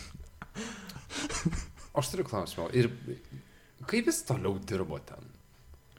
Tai, tai čia einame mes prie to. Okay, nes aš darbę padaryčiau porą kartų tokius bairius ir, nu... Jo. Sunkus laikai Porą žmonių. kartų. Por, jo, Porą, labai. porą. Čia ta- wishful thinking. Porą ta kartų. Aš negaliu irgi nieko kito padaryti, kaip vėlgi bandyti įsivaizduoti savo galvoj tą, tą vaizdą, kai nuostaba to bendradarbio, kuris pa, pa, pamato šitai ir nu, irgi kaip, kaip tu bandai sudylinti. Pains me like one of your French girls. Jo, ar, ties, ar tiesiog pa high five ir nes... O, žiūrėk, geras man. Sveiks, Kazy. A, tai jo, tai kai tie epizodai vyko, tai net vyrų komanda negalėjo jaustis ramiai. Na, Jiem taip pat kėlė tai problemų šiokių tokių. A, ir galiausiai, na, čia prie ko einame, šitas būsimas žudikas bandė ir nunuodyti savo viršininką. Tas viršininkas turėjo atsigulti į ligoninę dėl to, nes jį apnuodijo. To žmonos vyrą? Taip, savo, tos, savo viršininką realiai, nes jisai jo, jo, jo žmoną įsižiūrėjo. Tai kaip teigiama, e, taip Jonaitis bandė panaikinti kliūtis prieigai prie šio žmonos. Meilė įsižiūrėjęs. Kare. Taip. Jo, Ir ten jisai turėjo su tuo problemų, galiausiai teko jam irgi, a, kaip sakant, apleisti savo darbą ir panašiai. Tačiau, na, čia esminis turbūt lūžio momentas yra 1984 metai, nors kai kur yra 86 minimi. Tačiau čia buvo pirmasis tiesioginis Kazio Jonaičio sąlytis su žmogžudystė. E, Jisai tais metais a, už 8000 rublių atlygį sutiko nužudyti savo pažįstamų a, žmonos meilužį. Taip jis ir padarė, lavoną patalpinęs į automobilio bagažinę beje padegęs. Kazys Jonaitis tuomet 86 metais buvo nuteistas kalėti 15 metų Lietuvos kalėjime, e, tačiau a, 97 metais buvo prezidento malonės komisijos paleistas anksčiau laiko. Jei. Ir, ir matot, koks yra panašumas? Uh, Varnelis išėjo anksčiau laiko, Jonaitis išėjo anksčiau laiko. Ką mes pasimokėm iš paleidimo žmonių anksčiau laiko? Lock them up. Ir atlikinėdamas savo bausmę Lietuvoje, Kazys Jonaitis susitokė. Tai uh, kai jisai susitokė Lietuvoje, jo laimingąją tapo ukrainietė siuvėja Galina Bžozovskaja, uh, kuri, čia, na, kuri pasikorus pirmajam jos vyrui augino du sūnus. Išėjęs iš kalėjimo, Kazys Jonaitis atrodo apsiramino ir dirbo vairuotoju, nors kaip pastebi a, šita jo žmona, buvo impotentas, turintis didelį apetitą seksui, tokiam paradoksai gyvenantis žmogus. A, Tačiau, kaip teigia pati Galina, Kazys Jonaitis palyginus su jos pirmo vyru netrodė gerintis, viską nešė namo, buvo tvarkingas iš pirmo žvilgsnio, todėl jai tuo metu nekilo didelių įtarimų dėl, na, būsimo žudiko seksualinių polinkių, na, būsimo serijinio žudiko seksualinių polinkių. Ar jį lygino su Lavonu jau, ar dar su gyvenančiu? Palyginus su pasikorusiu vyru, Tai tu visai visai tvarkingas iš tikrųjų, neskambi jokia ko. Kai pagalvoju, įdomu, ar kai jis ją, na, jau sužavėjo savo, savo... Uh, Rugged looks. Sa, taip. Ar tai buvo tas... Klinto įstvudo aura. Ar tai, ar tai buvo tas momentas, kuris tiesiog ją pamatęs nusirengė iš karto ir jis sako, jo. Geras klausimas, bet uh, Galina galiausiai buvo su juo. Ar Kazys buvo psichopatas? Uh, kaip prieisime vėliau, tikrai taip. Bent jau pagal, pagal psichologų vertinimus taip. Ar žmogus, kuris nori nunuodyti savo uh, viršininką, nėra jau psichopatas, ta prasme? Jo, kaip tau kilo šitas klausimas? E, klausimas kilo dėl to, kad, na, ne, nunuodyti žmogų čia nėra, manau, psichopato pakankamas kriterijus. Psichopatas yra gana, nu kaip, tiksliai apibrėžta diagnozė. Ir psichopatai labai dažnai sugeba pasirodyti žmonėm tiksliai taip, kaip jie nori atrodyti. Reiškia, kad vat, iš tos žmonos perspektyvos, tai man atrodo visiškai tai nestebina, kad iš pirmo žvilgsnio, kai tu dar nepažįsti gerai žmogaus, jis gali tave apsukti aplink pirštą ir pasirodyti, va tiksliai tas, ko tau reikia, ar ne? Čia nėra, nėra taip paprasta, mano manimu. Aš turiu klausimą, ar, ar, ar, ar Kazys Jonaitis jisai spinduliavo tokiu žavesiu, kaip pavyzdžiui Tedas Bandis savo laiku. Na, nes kad ir kaip žiūrėtume, Tedas Bandis buvo, buvo a charmer. Jisai Taip. buvo išvaizdus, jis buvo iškalbus, jis buvo protingas. Šiuo atveju gal tiesiog uh, jį gelbėjo tas, kad jisai atrodė negerintis ir nemušantis savo žmonos. Uh, taigi, tai mes turime Kazį, kuris uh, išeina iš kalėjimo anksčiau laiko, apsivedęs ir jis, uh, na, ateina į tą periodą, kuomet jau pereinama yra į 21 amžių Lietuvoje. Uh, taigi, tai jisai ateina vat, į visą tą aplinką, kurią aš pristačiau pradžioje, kad tai yra šalis dar savotiškai, jau besitvarkanti, tačiau savotiškoje suirutėje vis dar yra galimybių padaryti daug ką nepastebėtam ir nepamatytam ir nesusektam. A, Ir tai, na, pasirodė kaip jo tokia e, vei- veikimo terpė. Ir čia konkrečiai, aišku, turiu omenyje autostopą. Tai Vilniuje, kalbant apie visą tą autostopą, žmonės, kur ieško transporto ir panašiai, Vilniuje savanorių prospektas buvo viena iš tų vietų, kurioje ne vienas studentas ar šiaip žmogus be automobilio nepaisant visų akivaizdžių arba skelbiamų pavojų, ieškodavo pavėžėjimo iki kažkokio tai kelio- kelionės tikslo. Tai 2000 m. birželio 7 d. panerių vairo bendrovėje Kazys Jonaitis remontavo savo seną darbinį sunkvežimį. Vilkikas buvo sugedęs jau keletą dienų, penkias berots, reisų nebuvo, tad įtampa didėjo ir, kaip rašoma šaltiniuose, ir dėl galimų finansinių sunkumų, dar šalia to ir ten su moteriam nelabai einasi ir panašiai. Tai vyras, kaip ir jausdamas visas šitas problemas, tam, kad nuleistų besikaupiantį įtūžį, pradėjo turbūt mąstyti tada ir apie nusikaltimą. Tuo metu tą dieną žemuosiuose paneriuose savo kelionės laukė tokia 20 metų. Mergina norėjo pasiekti Jonavą, ją a, liekną ir juodai apsirengusią pamatė ir sustojo prie jos pagyvenęs vyras vairuojantis Volkswagen Passat. Vyras, kaip galite suprasti, ir buvo Kazys Jonaitis. Jisai važiavo Vilnius Kaunas kryptimi, tai jai kaip tik tiko. į Jonavą. Kažkuriuo momentu automobilio vairuotojas, tai Kazys, davė jai perskaityti laišką, kuriame buvo atvirų tekstų siūloma lytiškai santykiauti. A, Na, čia apskritai turėtų kaip įdomiai atrodyti, tau paduoda popieriaus lapą ir tu skaitai šalia kažkokio dėdo važiuodamas, kad nu, šitą sunku epizodą kažkaip savo galvoje sudėlioti. Bet ar jis pats teisme pasakojo šitą epizodą? Mm, Kaip suprantu, taip. Ir prisipažinau vėliau kalėjime, ką, na, aš, aš prieisiu prie to, kaip visą tai pasibaigė galiausiai. Tai buvo, na ir tai pasak, pamatysim, kad tai ne tik į, apie ją šitas aspektas su laišku buvo, buvo ir su, su, su viena pabėgusia auka. Mhm. Tai a, merginai beskaitant tą laišką, vairuotojas išsitraukė iš šalia gulėjusį kirvį ir jo pentimi trenkė merginai per galvą, taip ją apsvaigindamas. Apsvaiginęs merginą, Kazys a, nusuko į pakelės mišką, ištempė iš automobilio, žvėriškai ją sumušė ir kuomet ši jau negalėjo priešintis, nepamirždamas prezervatyvo, ją išprievartavo bei galiausiai pasmaugė. Žudikas šiuo atveju įkišo aukos kūną į juodą polietileno maišą, nutempė į krūmus bei ten paliko prieš tai susirinkęs asmeninius aukos daiktus, kuriuos, kaip vėliau paaiškėjo, parsivežė namo ir atidavė žmonai. Tai žmona, kaip sakant, buvo laiminga turbūt. Tai buvo pirmasis jo nusikaltimas, Kazio Naičio nusikaltimas, kuris, na, kaip ir įnešė į viešąją erdvę Lietuvoje žudiką, kurį visa Lietuva žinojo kaip pakelių maniaką. 2000 m. Liepos 13 d. Tas pats vairuotojas Kazys Jonaitis, šį kartą Kamaz sunkvežimiu vežantis medieną iš Vilkaviškio rėdėjosi į Vilnių. Čia po mėnesio, taip? Taip. Ties Kaunu pastebėjo pakeleivingas mašinas stabdančią jauną merginą.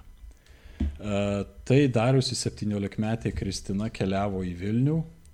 Čia vardas pakeistas, a, taip ir nebuvo atskleistas galiausiai. Tai, tai dariusi 17-metė Kristina keliavo į Vilnių, tad sustojus Kamazui jį ir įlipo.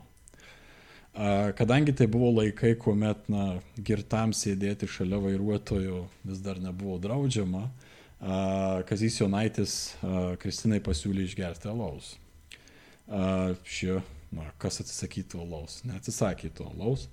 Dar po kurio laiko vairuotojas pasiūlė ir užsiiminėti seksu. Tačiau mergina atsisakė. Viskas atrodė ramu, iki kol prie elektrėnų mergina paprašė sunkvežimio vairuotoją sustoti miškelėje tam, kad galėtų nusišlapinti. Vairuotojas, aišku, sustojo, viskas atrodė gerai, mergina išlipo, tačiau vyras pribėgęs ją iš už nugaros puolė ją brutaliai mušti, grasindamas ne tik mušti, bet ir užmušti. Mergina buvo išžaginta bent tris kartus, Po to vairuotojas pasikėlė ir manydamas, jog auka neteko sąmonės, grįžo į sunkvežimį bei pradėjo žvanginti neiškiais įrankiais, kaip pati liudininkė pasakojo vėliau.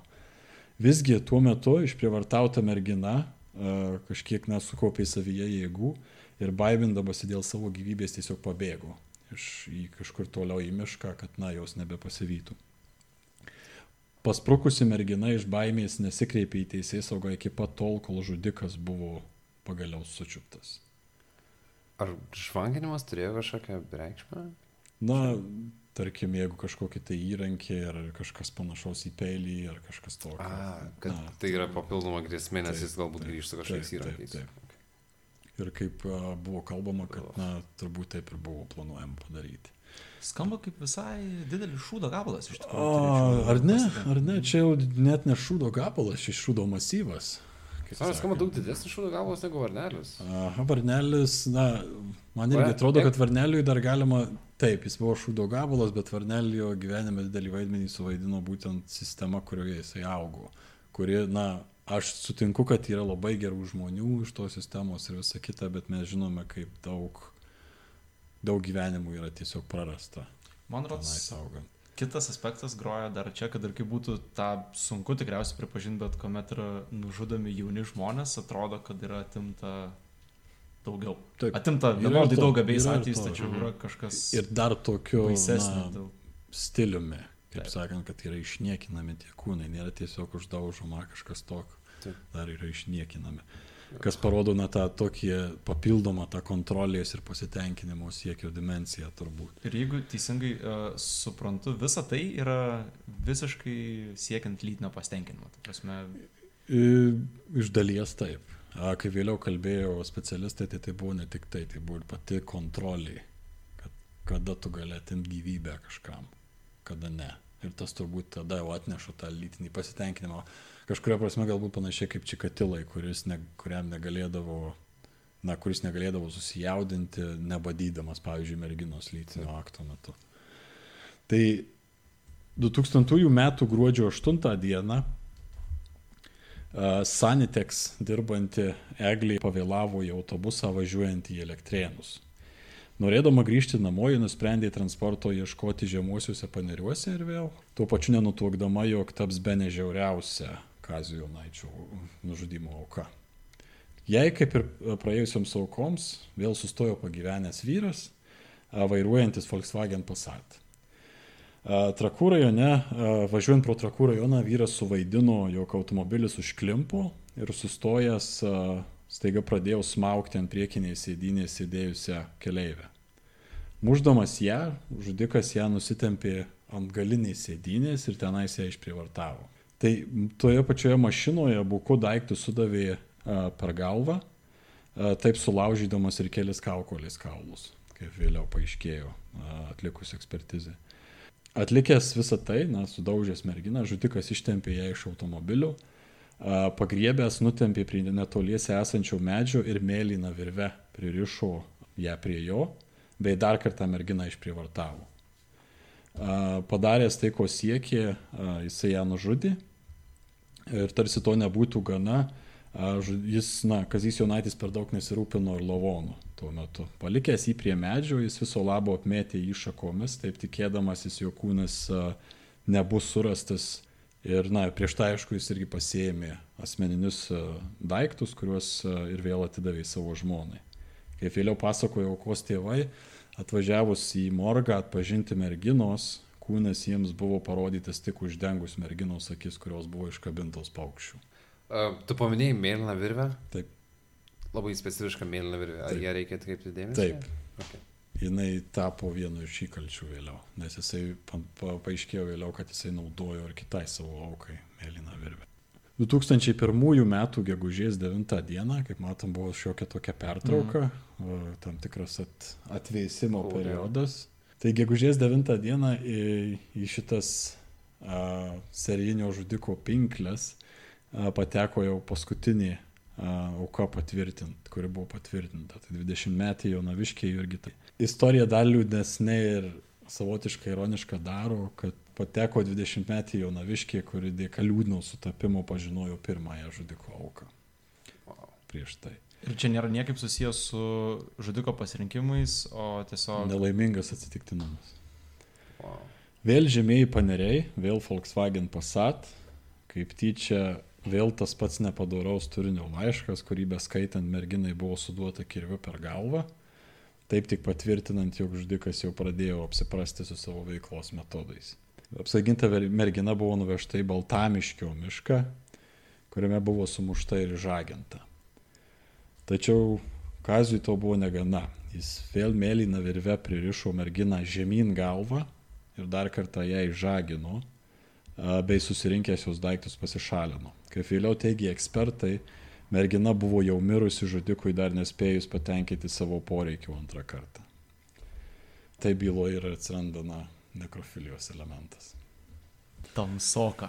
Tamsokas tikrai taip. Uh, bet vad būtent šita paskutinė auka ir sužlugdė šitą pakelių manijaką ir jo visą žudimo karjerą. Tarp šitos paskutinės aukos daiktų, kuriuos žudikas pagrobė, buvo ir tuomet gana nedažnai sutinkamas uh, objektas, ypač jaunų žmonių kišenėse. Mobilusis telefonas Ericsson. Wow.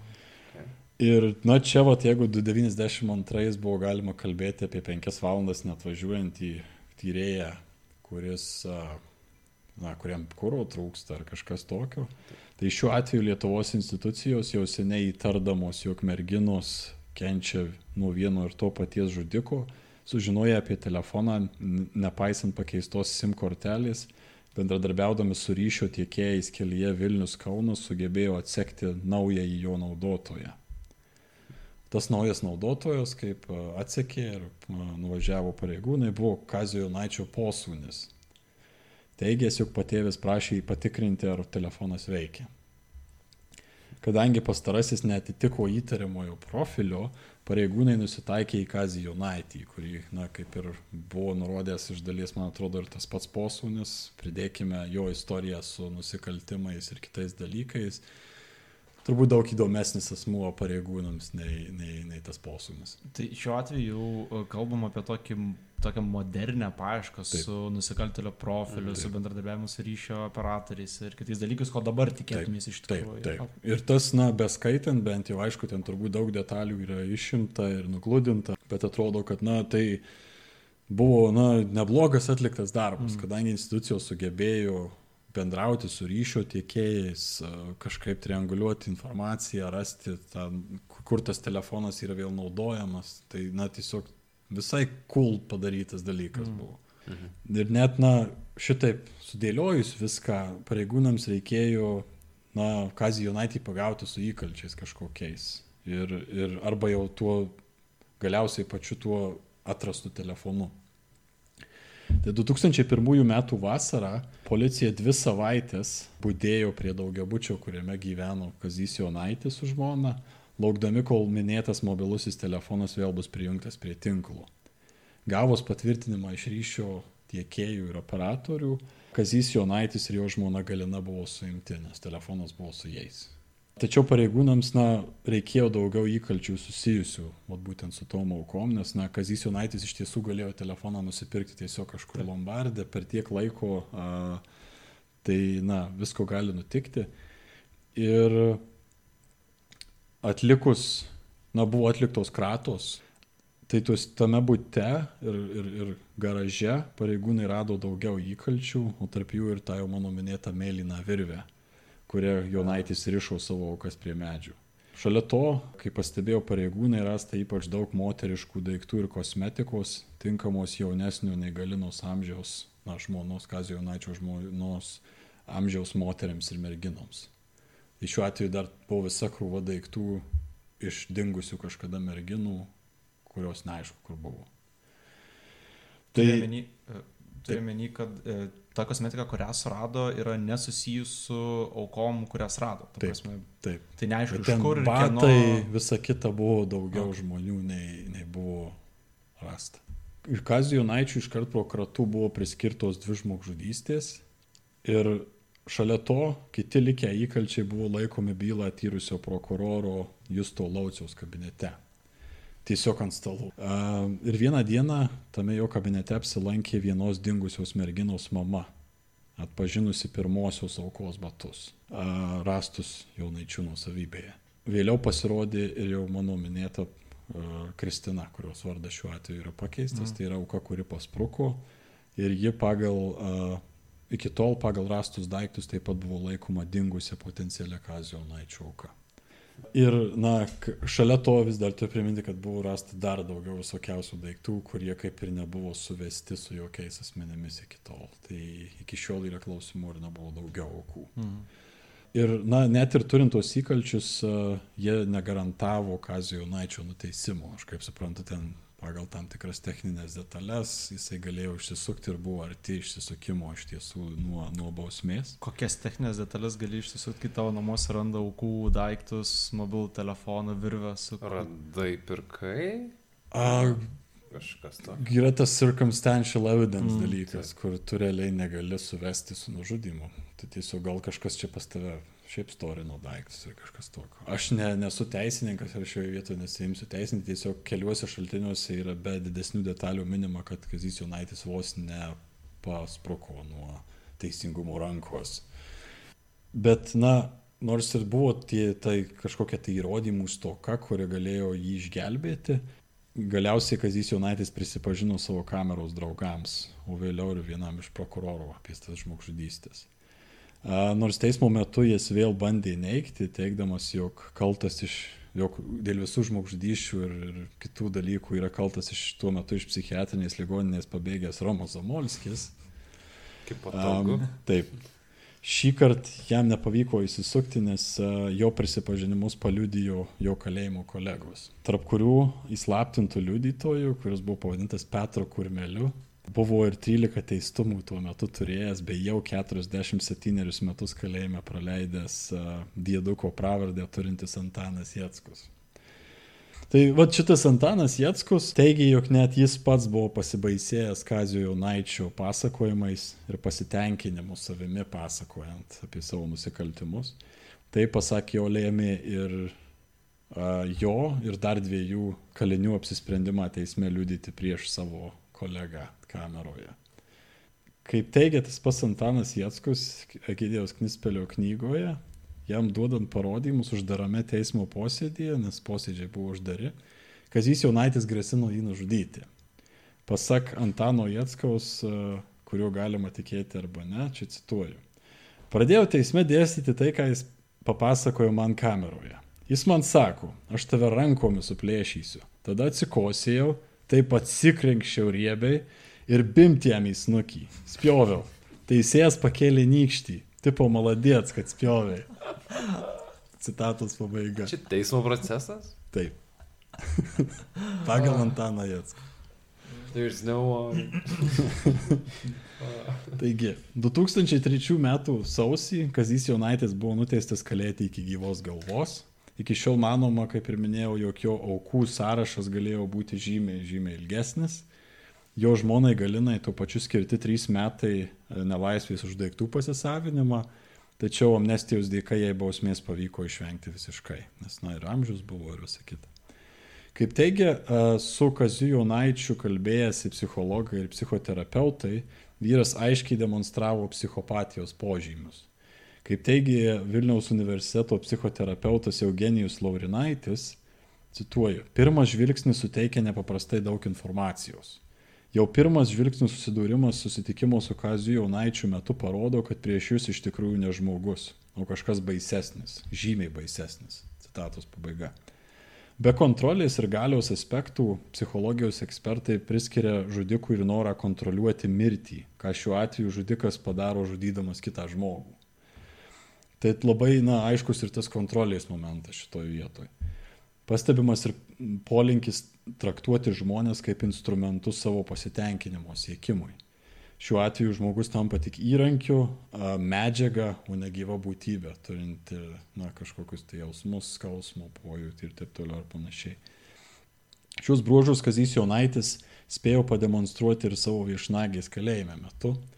Dabar jau beveik 80 metų vyras laikomas vienu neramiausių kalinčiųjų visoje Lietuvos kalėjimų sistemoje iki šiol. Ir jis nuolatos apipila administraciją skundais ir grasinimais. 2008 metais žudikas apkaltintas ir bandymu rašikliu išdurti prižiūrėtojui akį. Jis taip pat turėjo problemų ir su grasinimais maisto dalintojams. 2016 metais jisai teisėsi su savo jau dabar buvusią žmoną Galiną, kurią apkaltino, kad jisai jai priskolino pinigų, o jinai jo negražino ir dabar čia reiktų pinigų ir taip toliau ir panašiai. Kiek žinau, ta byla nenuėjo labai toli, bet Kazys Jaunaitis sugebėjo išsiskirti su šitą žmoną ir apsivesti su dar viena žmona. What? Nauja, taip. What? dalykai yra įdomus, gyvenimas yra įdomus, kaip jis pasisako. Matyti, jisai sužavėti sugebėjo visgi. Taip, tai Aivarai, tai reiškia, kad tu surasi merginą. Taip, taip. Surasi Aš, merginą. aš labai jau tikiuosi, kad, kad ta diena atėjo. Tai 2017 metais jis kalėjimą teismui apskundė ir vėl, reikalaudamas galimybės nusipirkti mėlynių uogienės, keulienos taukų ir pieštukinių klyjų. Ir čia, kaip rašė Kauno diena, cituoju. Jokio riebalo iš valstybės negaunu, vienu vandeniu išvirta. Dešrų nevalgau, dirbtina viskas. Mano akis nusilpo, man reikalinga mėlynių uogienės ne kitokios. Skundėsi nuteistasis. Tai taip, dažniausiai šio nusikaltėlio reikalavimų nėra per daug klausomasi.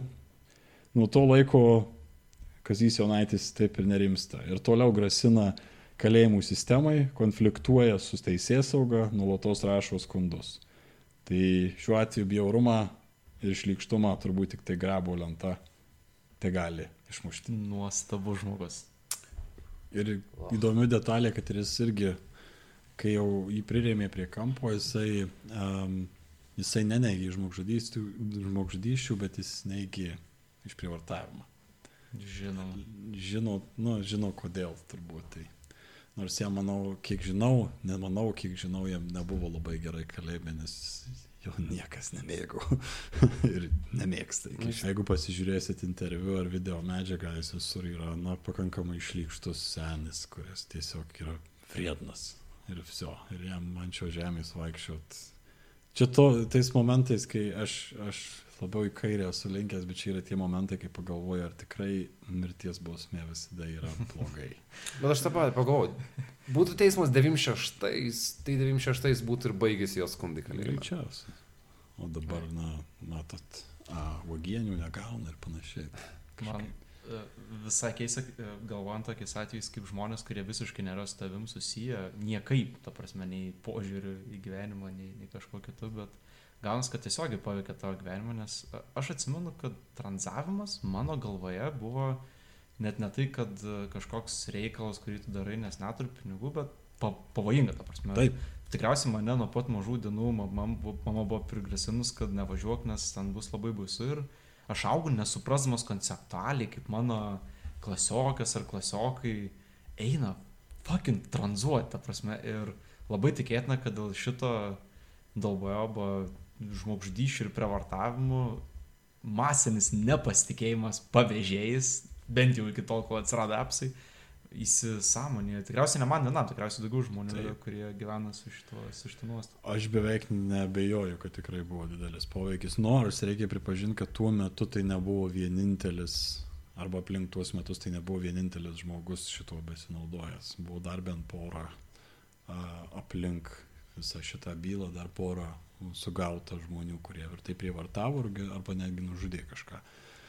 Tai čia jo, bet, bet esmė ta, kad ir aš prisimenu, kad vat, būtent šitas atvejis ir šita istorija visa, na, šiurpino taip rimtai, nes dažniausiai, na, tu matai net ir savo artimajame rate, kai, na, yra kalbama apie kažkokį nusikaltimą, a, viešumoje, žiniuose ir panašiai, yra reaguojama pakankamai ramiai. Nu taip, pasakoma, čia baisu ir visa kita, bet yra pakankamai ramiai reaguojama. Bet aš nepamenu, ar kada buvo tokia, na aš negaliu to pavadinti isterija, bet paranoja, kai būtent vat, aplink šitą, aplink šitą visą istoriją. Nes nu kurį laiką niekas nežinojo, kur, kaip, kas tai daro. Ir, na tai, na, aš, aš prisimenu, kad na, tiesiog buvo, net bai, bijojo žmonės važiuoti mašinomis, Taip. pavyzdžiui, vėliau. Tai, tai šį čia, tai jo, man atrodo, be jokios abejonės jaunaitis yra tapęs vienu, vienu ryškiausių tokių tamsiųjų istorijų. Nes varnelis, varnelį, nu, jeigu domiesi, tai tikrai žinai. Ir jis tikrai buvo nu, baisus ir didelis uh, žudikas, žmogžudys ir, ir taip toliau ir panašiai, maniakas, serijinis žudikas. Bet va tą tokį vos nevelnišką aurą įgavęs žudikas, toks tik tai turbūt Kazys Jonaitis buvo dabar nepriklausomybės metais. Jo, nes na čia irgi mes kalbam apie 21 amžiaus pradžią, viskas jau kaip ir gerėja, viskas tvarkosi. To įstosime Europos Sąjungą. Mm, ir- Taip, vos keli metai ir, ir mes būsim ten ir bum. Kazys Jonaitis žiaurumu savo tikrai įsipaišo į, į pačių žinomiausių. Tarptautinius vandenis Taip, jau išeina. būtent žiaurumo prasme turbūt ir į tarptautinius vandenis, žvelgiant į tuos visus highway killers, kurie irgi veikė Amerikoje, kurie darė panašius dalykus. Tai tikrai, a, na, toks jo pakankamai tamsus epizodas mūsų, mūsų šalies kriminalinėje istorijoje. Taip. Uh, tie laikai buvo tie laikai. Uh, buvo tiek aukų, buvo tokie metodai naudoti pagauti tiems žmonėms. Bet ar gyvendami dabar, ir per daug neišsiplečiant su atsakymais, taip, uh, ar gyvenant dabar šiais laikais, ar mes dar turim šansų turėti tokių atvejų? Mano manimu, net ne tai, kad įmanoma, bet man kartais keista, kad dar nėra, matant, um, kokioj medijai mes gyvenam, kokioj aplinkoj, šeimos santykių prasme, psichinės veikatos prasme, tai tikiuosi, kad ne, ta prasme mūsų nedaug žmonių labai, tai labai dalykai dažnai ir nenutinka, tai tikėkime, kad to nebus, bet... Uh, Aš tai manau, kad mažesni šansai tokiem dalykam pasireikšti. Ačiū tau. Nes, nu, čia yra tas turbūt uh, pozityvus dalykas, tos surveillance state, kurioje gyvenam realiai šiandien per visas technologijas ir viską. Nes realiai re- retai sutiksi žmogų, kuris neturi telefonų su nulatos įjungtų internetu, o jeigu tai bus, tai kažkokiu būdu vis tiek bus galima atsekti ir, ir tas turbūt gali kartais reikšti išgelbėjimą nuo, nuo, nuo nužudimo. Tai jo. Tomai, sukrestas atrodai. Jo, šiek tiek e, pritrūksta man amo. Čia, bet čia dalykai, kurie vyko, tai dėl to aš labai norėčiau tikėti, kad ne tai, kad mes turim technologijas ir visus įmanomus resursus sugauti žmonėm, kurie jau padaro tokius dalykus, bet kad mes turim kiekvienas savyje resursų, kad tai neįvyktų in the first place. Kuom 90-ieji buvo tokie ypatingi, kad gimė ten tiek tokių kraupių, nežmogiškų istorijų, net nežinau. Daug klausimų, ar iš vis galim vadyti žmogum, ar labiau kažkokiu humanoidu, kai jis neturi, atrodo, moralės jokios, kur tai yra tokias visiškai kitam lygiai operuojantis asmuo, su kuriuo aš nieko, ne, nežinau, ką galvot net, išskyrus pasibaisėjimo. Man tai su 90s ar ten ta visa Sovietų sąjungos griūtim, tai tiesiog yra suirutė, kai dalykai yra tokiam chaos ir viskas yra taip pabirę, kad na, yra labai lengva pačiam galbūt netgi išeiti iš proto kartais ir daryti beleką. Taip sakant, kitas dalykas, aš Palauk, nežinau, taip būtiškai tau atrodo, kad, nu, tiesiog daugiau alkanų, paprastai sakant, ir dėl to. Aš nežinau, ar galima tai suvesti į alkanumą. Aš man, man atrodo, tai labiau platesnė struktūrinė prasme, kai gyvenimo principas yra vertimasis chaose, tai dalykai tampa daug sunkiau atskiriami. Iš kitos pusės aš nežinau, ar jeigu dabar vat, atsirastų vėl Kazys Jonaitis laisvėje, ar jisai eitų tą patį daryti. Šiai dienai jis gali nueiti į kokį nors incel website, papykti ant moterų tenais, šiek tiek nuleisti garą ir, nežinau, grįžti ant sofos gulėti.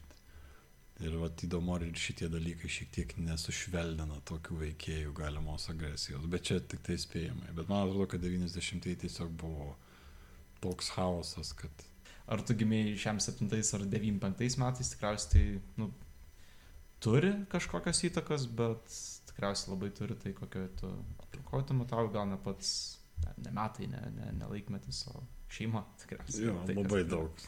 Akiu, bent jau šitos dvi istorijos parodo, kad tikrai turbūt a, didelę reikšmę turi. Ah, wow, šiaip labai išžė galva visas šitas dalykas. Tai sunki tema, bet man atrodo, jūs puikiai. Tai kas klausė, Ištiesi, taip. ir Ačiū labai. Nesužudėt iki šio laiko, tai nesuždykit ir toliau. Tai kitų nežudykit, rašykit mums e-mailus. Uh, Rašykit man mails, nežudykit kitų žmonių. taip. Ir uh, rašykit e-mailus, kaip nežudot kitų žmonių. Tai uh, mes pažadam tą patį. Tai ačiū, kad klausytės. Taip. Iki.